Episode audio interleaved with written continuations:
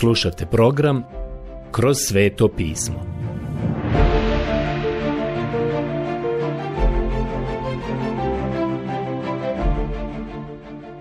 Knjiga Evanđelje po Marku.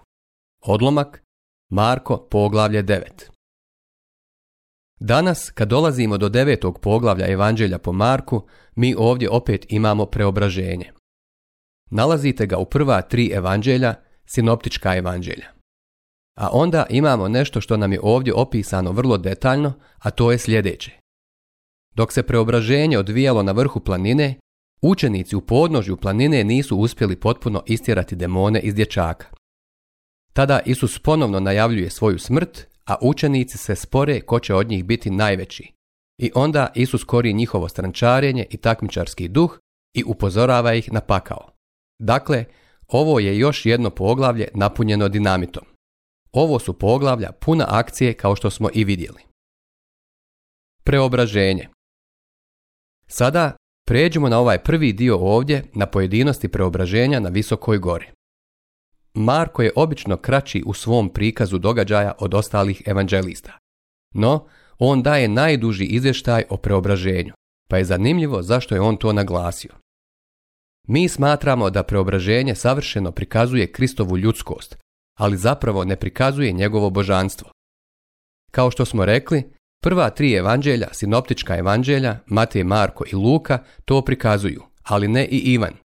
Ivan prikazuje Kristovo božanstvo i ne daje informacije o preobraženju.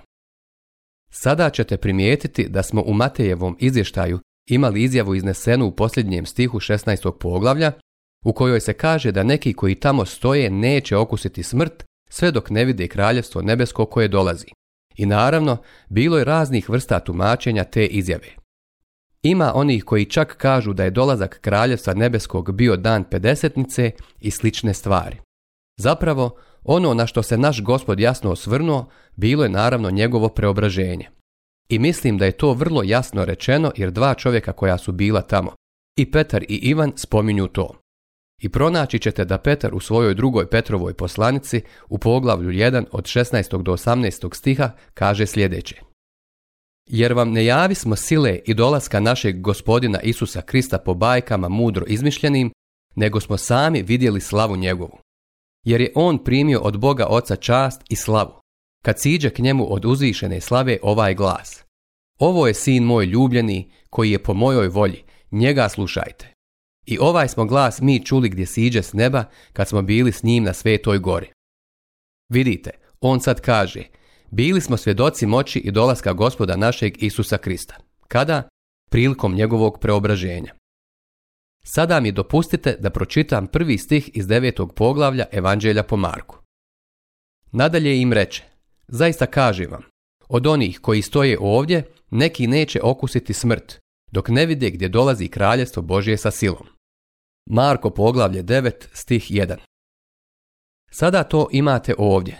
Ne želim ulaziti u tehničke detalje, ali vjerujem da je razlog što se ovo desilo u tom trenutku prije njegove smrti i uskrsnuća bio taj da shvatimo da bez obzira da li on išao na križ ili ne, da je kraljevstvo u njegovim rukama. Mogao je otići sa zemlje nazad na nebo, ali onda ne bi spasio ni tebe ni mene. Ali on bi još uvijek bio suvereni vladar svemira i mogao ga je obnoviti, ali ne bi mogao spasiti tebe i ne bi mogao spasiti mene. Dakle, ne razrađujem ovu temu, ali se ona nalazi ovdje. Ovo je ogromna stvar, a sada mi dozvolite da nastavim čitati dalje. Poslije šest dana uze Isus sa sobom Petra, Jakova i Ivana i povede ih nasamo na visoku goru. Tu se pred njima preobrazi. Marko poglavlje 9 stih Sada on uzima ova tri čovjeka i naravno postavlja se pitanje zašto je uzeo ovu trojicu. Pa prije svega da kažem da ih nije uzeo jer su bili njegovi mali ljubimci, niti zbog toga što su bili superiorniji od ostalih. Zapravo, oni su bili najslabiji od apostola. Morao ih je nositi sa sobom kao bebe ili mislim da uopšte ne bi došli. To je ono što ja mislim. Prije mnogo godina dok sam bio pastor u Pasadeni, primijetio sam majku koja je išla niz ulicu. Imala je troje djece. Jedno je nosila, drugo je vodila za ruku, a treće je hodalo iza nje. Morala bi stati s vremena na vrijeme da bi je to treće dijete sustiglo. I gledao sam ih dok su vrlo sporo napredovali niz ulicu i pomislio sam. Oh, taj mali koji je prati, on sigurno oduzima puno vremena. Ali onda sam pomislio, ono dijete koje ona nosi, ono uopšte ne bi moglo ići ako ga ona ne bi nosila u rukama i osjećam da su Petar, Jakov i Ivan bili prilično takvi. Činilo se da su ekskluzivna skupina. Oni nisu posebni, oni su samo bebe i mislim da ih je on morao nositi, a to je upravo ono što je on i radio. Tako ih je uzeo sa sobom da budu prisutni prilikom preobraženja. Sada Petar kaže, bili smo svjedoci njegovog dolaska. To je to. Ovo je proslavljeni krist koji će jednog dana doći na ovu zemlju. Prijatelji, ovo je također i slika onoga što ćemo vi i ja jednog dana biti. Rečeno nam je da ćemo biti kao on. A onda sjetite se da je Ivan rekao, vidjeli smo njegovu slavu, slavu kao jedinorođenca od oca. Pogledajte prvu Ivanovu poslanicu, poglavlje 3, stih 2 i Evanđelje po Ivanu, poglavlje 1, 14 stih. I riječ preobražen, koja se ovdje koristi na grčkom jeziku, je metamorfoza a transformacija se dogodila u Isusovom tijelu. I to nije bila svjetlost ili efekat uzrokovan s polja. Preobraženje je bilo svjetlost koja se pokazala iznutra. Ja mislim da su i Adam i Eva bili tako odjeveni, unutrašnjom svjetlošću. Dakle, preobraženje nas uči o Isusovoj savršenoj ljudskosti, a ne o njegovom božanstvu. A mi smo skrenuli pažnju na činjenicu da Ivan to uopšte ne spominje. Sada on nastavlja s opisom ovoga. On se preobrazio pred njima. Njegove haljine postadoše sjajno bijele kako ih ne može nijedan bijelilac na zemlji ubijeliti. Marko poglavlje 9 stih 3 Odjeća je postala bijela, bijelja nego što se uopšte moglo vjerovati. Vidite, to je zato jer je ta svjetlost došla iznutra. A riječ bijelilac, koja se nalazi ovdje u pomenutom stihu, kako ih ne može nijedan bijelilac na zemlji ubijeliti, ta riječ zapravo znači veš. Drugim riječima, nijedno moderno čudo pranja ne bi moglo proizvesti takvu bijelinu i svijetao izgled. Sve je dolazilo iznutra. Ukaza im se Ilija s Mojsijem i razgovarahu s Isusom. Marko poglavlje 9, stih 4. Ovo smo već vidjeli. Ilija je predstavnik proroka, a Mojsija je predstavnik zakona. Rečeno nam je da su i zakon i proroci svjedočili o Isusovoj smrti. Luka nam kaže da su razgovarali o Isusovoj smrti. I Mojsije je znao za Krista jer nam je rečeno u Hebrejima u poglavlju 11.26. stih. Smatrajući poniženje Kristovo za veće bogatstvo od egipatskog blaga jer je gledao na plaću. Mojsije je znao da on dolazi. Svi proroci su govorili o njegovoj muci i slavi koja bi trebala uslijediti. Sada je Petar njihov glasnogovornik ovdje. Kao što znate, on je uvijek bio glasnogovornik. Tada progovori Petar i reče Isusu. Učitelju, dobro nam je ovdje. Načinit ćemo tri sjenice. Tebi jednu, Mojsiju jednu i Ili jednu. A onda Marko dodaje. On nije znao što govori jer su bili uplašeni. Marko poglavlje 9 od 5. do 6. stiha. Šimun Petar je uopšteno govorio kada nije znao što bi rekao. Neko je rekao, kad bi se ljudi koji nemaju šta reći suzdržali da to ne kažu, svijet bi bio bolji. I mislim da je Šimun Petar često imao brži jezik od pameti.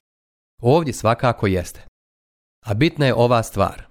Tada dođe oblak i zasjeni ih. Iz oblaka povika glas. Ovo je moj ljubljeni sin, njega slušajte. Marko poglavlje 9, stih 7. Sva pažnja je sada usmjerena na gospoda Isusa Krista njegova riječ je posljednja. I ne stavljate Mojsija i Iliju u istu ravan sa njim. I onda primijetite stih 8. Kad pogledaše oko sebe, na jedan put ne vidješe više nikoga sa sobom osim sama Isusa. Marko poglavlje 9, stih 8. Tamo je ostao samo Isus. Usput, samo Isus bi bio čudesan naslov, zar ne? Samo Isus. Ne samo naslov, već bi to trebalo da bude glavna stvar u životima mnogih vjernika danas. Ovdje na kraju stiha vidimo te velike i značajne riječi. Samo Isus. Sada dopustite mi da pročitam stih 9. Kad su onda silazili s gore, naloži im Isus da nikome ne pripovijedaju onom što su vidjeli, dok sin čovječi ne uskrsne od mrtvih. Marko poglavlje 9, stih 9. Drugim riječima, Kristova smrt i uskrsnuće moraju ići zajedno u ovoj priči. Preobraženje ne spašava nikoga. Ono predstavlja ideal, cilj, ali taj cilj se može ostvariti samo kroz Kristovu smrt na križu i njegovo uskrsnuće od mrtvih. I primijetit ćete da on uvijek zajedno spominje svoju smrt i uskrsnuće. Nikada ne spominje križ, on samo govori o svojoj smrti. Primijetite to. Oni to zadržaše za sebe, ali su pitali jedan drugoga što znači uskrsnuti od mrtvih. Marko poglavlje 9, stih 10. Vidite da su bili u potpunom neznanju o uskrsnuću. A i usput rečeno, pojurili su do grobnice. Zašto? Nisu očekivali da će vidjeti živog spasitelja. Ne ide se na groblje da vidiš žive. Idete tamo ne da vidite nekoga, već zato što znate da su mrtvi tamo i iz poštovanja prema njima. Upitaše Isusa, zašto tvrde pismoznanci da treba najprije doći Ilija?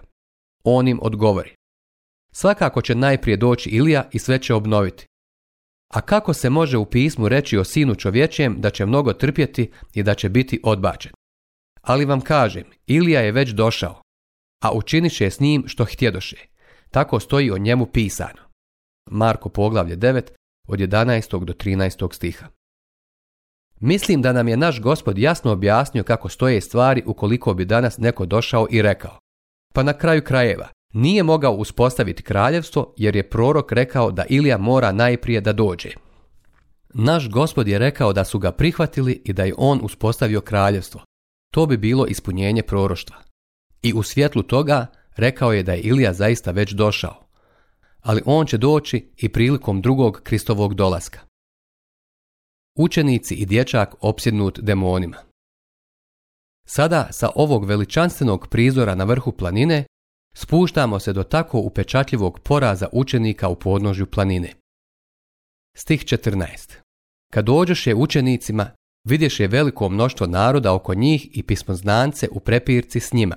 Čim ga ugleda sav narod, bio je posve iznenađen pohrli k njemu i pozdravi ga.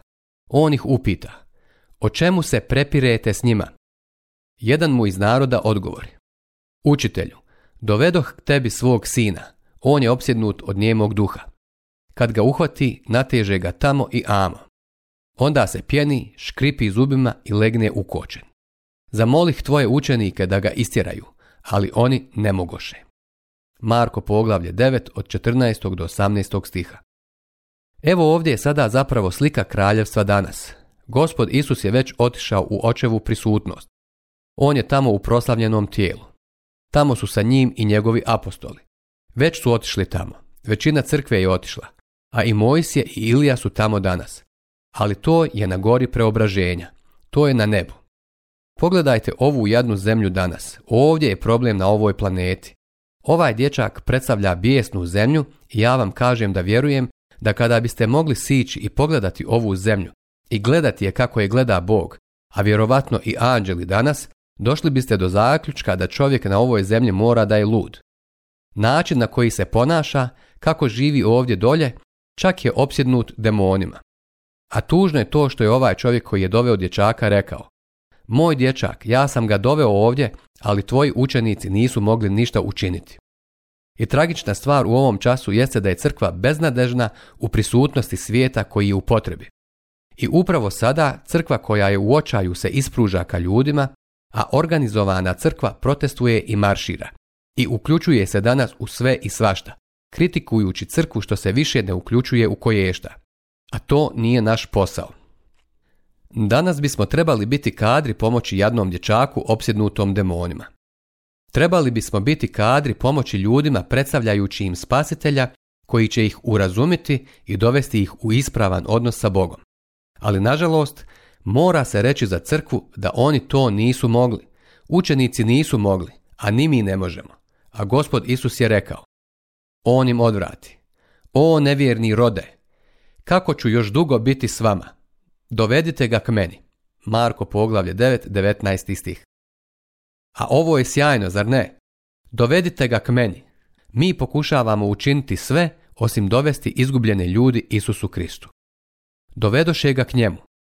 Čim ga duh ugleda, stade natezati dječaka tamo i amo. On pade na zemlju, stade se valjati i pjeniti.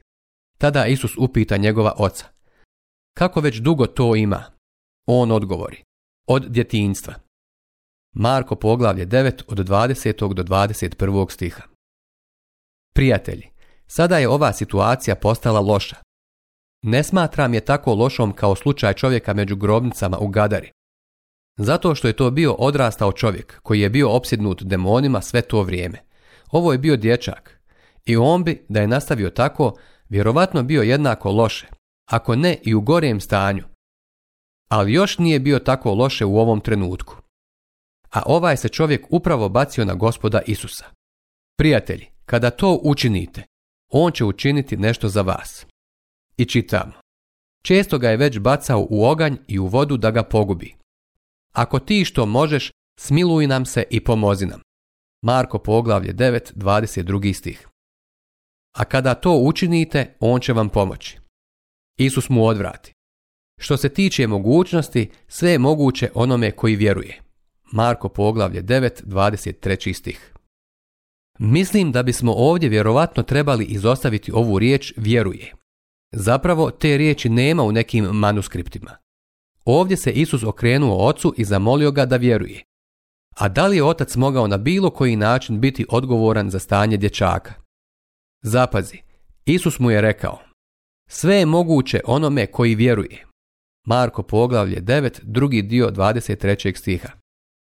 Drugim riječima nije pitanje, možeš li nešto učiniti? Gospod Isus može nešto učiniti. Ako možeš, kaže taj otac, pravo pitanje šta čovjek može učiniti. Sve je moguće onome koji vjeruje. Odmah je dječakov otac sa suzama. Vjerujem, pomozi mojoj nevjeri. Marko poglavlje 9.24. stih. Dakle, očeva očajnička molba ovdje je molba za vjeru. I onda, kad vidje Isus da se narod sve više stječe, zaprijeti nečistome duhu i reče mu, duše mi i gluhi, ja ti zapovjedam, izađi iz njega i ne vraćaj se više nikada u njega. Povikavši i izmrcvarivši ga, izađe. Ležao je kao mrtav tako da su mnogi rekli, mrtav je. Isus ga uhvati za ruku i uspravi ga. Tada on ustede. Marko poglavlje 9 od 25. do 27. stiha. Pitanje je da li je i ovo bio još jedan slučaj kada je naš gospod uskrsnuo mrtvaca. Mišljenja sam da jeste, ali ne želim se sada baviti time. Kada je došao u kuću, upitaše ga njegovi učenici na samo. Zašto ga mi ne mogo smo istirati? Odgovori Ova se vrsta može istirati samo molitvom i postom. Marko poglavlje 9, 28. i 29. stih. Dodatak i postom se ne nalazi u svim manuskriptima. Mislim zato da je naglasak na molitvi. Samo molitvom. Prijatelji, danas je crkva slaba jer je i molitva danas slaba u crkvi. Krist govori sve više o svojoj smrti i uskrsnuću. Sada ovdje u stihu 30 vidimo kako naš gospod govori o svojoj smrti i uskrsnuću. Odatle otiđoše dalje i putovali su kroz Galileju, a nije htio da ko dozna. Učio je naime svoje učenike i govorio im.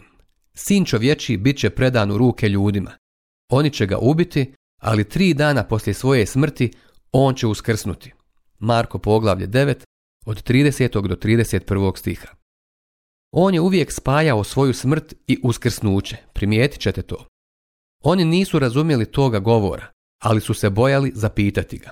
Marko poglavlje 9, 32. stih nisu baš razumjeli ovu stvar o uskrsnuću iz mrtvih. On ovdje govori o tome da će umrijeti za njih i pomislili biste da bi se ti ljudi mogli barem malo raspitati o tome. Ali oni su se usudili raspravljati ko je među njima najveći baš onda kada je on najavio svoju smrt. Trebali su se stidjeti svog ponašanja. Odatle otiđoše dalje i putovali su kroz Galileju, a nije htio da ko dozna, Učio je naime svoje učenike i govorio im, sin čovječi bit će predan u ruke ljudima. Oni će ga ubiti, ali tri dana poslije svoje smrti on će uskrsnuti. Oni nisu razumjeli tog govora, ali su se bojali zapitati ga. Marko poglavlje 9 od 30. do 32. stiha. I ovdje je važno primijetiti da im je on to ponovno najavio, ali oni nisu razumjeli. Sada su se svađali oko toga ko će među njima biti veći, a budući da smo se mi time prilično temeljno već pozabavili u Evanđelju po Mateju i ponovo ćemo doći na to u Evanđelju po Luki, ovdje ćemo samo prijeći preko toga. Ukor za sektaško ponašanje Primijetit ćete nešto sada u stihu 38. I dopustite mi da krenem tamo. Ivana su uvijek smatrali apostolom koji je ženski nježan. Obratite pažnju na njegovo raspoloženje ovdje. Ivan mu javi. Učitelju, vidje smo jednog gdje u tvoje ime izgoni džavle. Mi mu to zabranismo jer te ne slijedi s nama. Isus odvrati. Ne branite mu, jer ko u moje ime čini čudo, ne može me odmah iza toga grditi. Ko nije protiv nas, taj je za nas. Ko vam dade u moje ime čašu vode da se napijete, jer pripadate Kristu, zaista kažem vam, on neće izgubiti svoje plaće. Marko poglavlje 9 od 38. do 41. stiha. Ovo je zapravo ukor bilo kakvom sektaškom duhu koji postoji. Danas imamo dobru volju kod ljudi svih denominacija. Poznajemo svoju denominaciju i mislim da govorimo prilično jasno o našim stavovima u vezi sa određenim skupinama. Sada ako primijetite u stihu 42, on se vraća djetetu koje je uzeo u svoje ruke. I ovo je nešto nježno, ali istovremeno strah treba biti nad onima koji povrijede malo dijete. Ko sablazni jednog od ovih malenih koji vjeruju, za njega bi bilo bolje da mu se ovrat objesi mlinski kamen i da se baci u more. Marko poglavlje 9, 42. stih. A zatim, pored toga, on govori sljedeće. Ako te tvoja ruka sablažnjava, ocijeci Bolje je za tebe da uđeš sakat u život li da s dvije ruke ideš u pakao, u neugasivi oganj. Marko poglavlje 9, 43. stih. Zatim želim reći sljedeće za kraj jer nam je preostalo malo vremena. Da li ste znali da je on taj koji je govorio o paklu? Danas ima oni koji kažu, oh, on je blagi Isus. Prijatelji, on je jedini koji je pričao o paklu. Pavle nikada nije pričao o tome. Ali Isus jeste. Blagi Isus. A budući da je to činio, možda bi bilo dobro da ga poslušate, jer je rekao Postoji mjesto koje se zove pakao. Ja sam uvjeren da je to mjesto. I to je mjesto kakvim ga on ovdje opisuje. Morat ćemo sada završiti. Sljedeći put počet ćemo sa desetim poglavljem Evanđelja po Marku.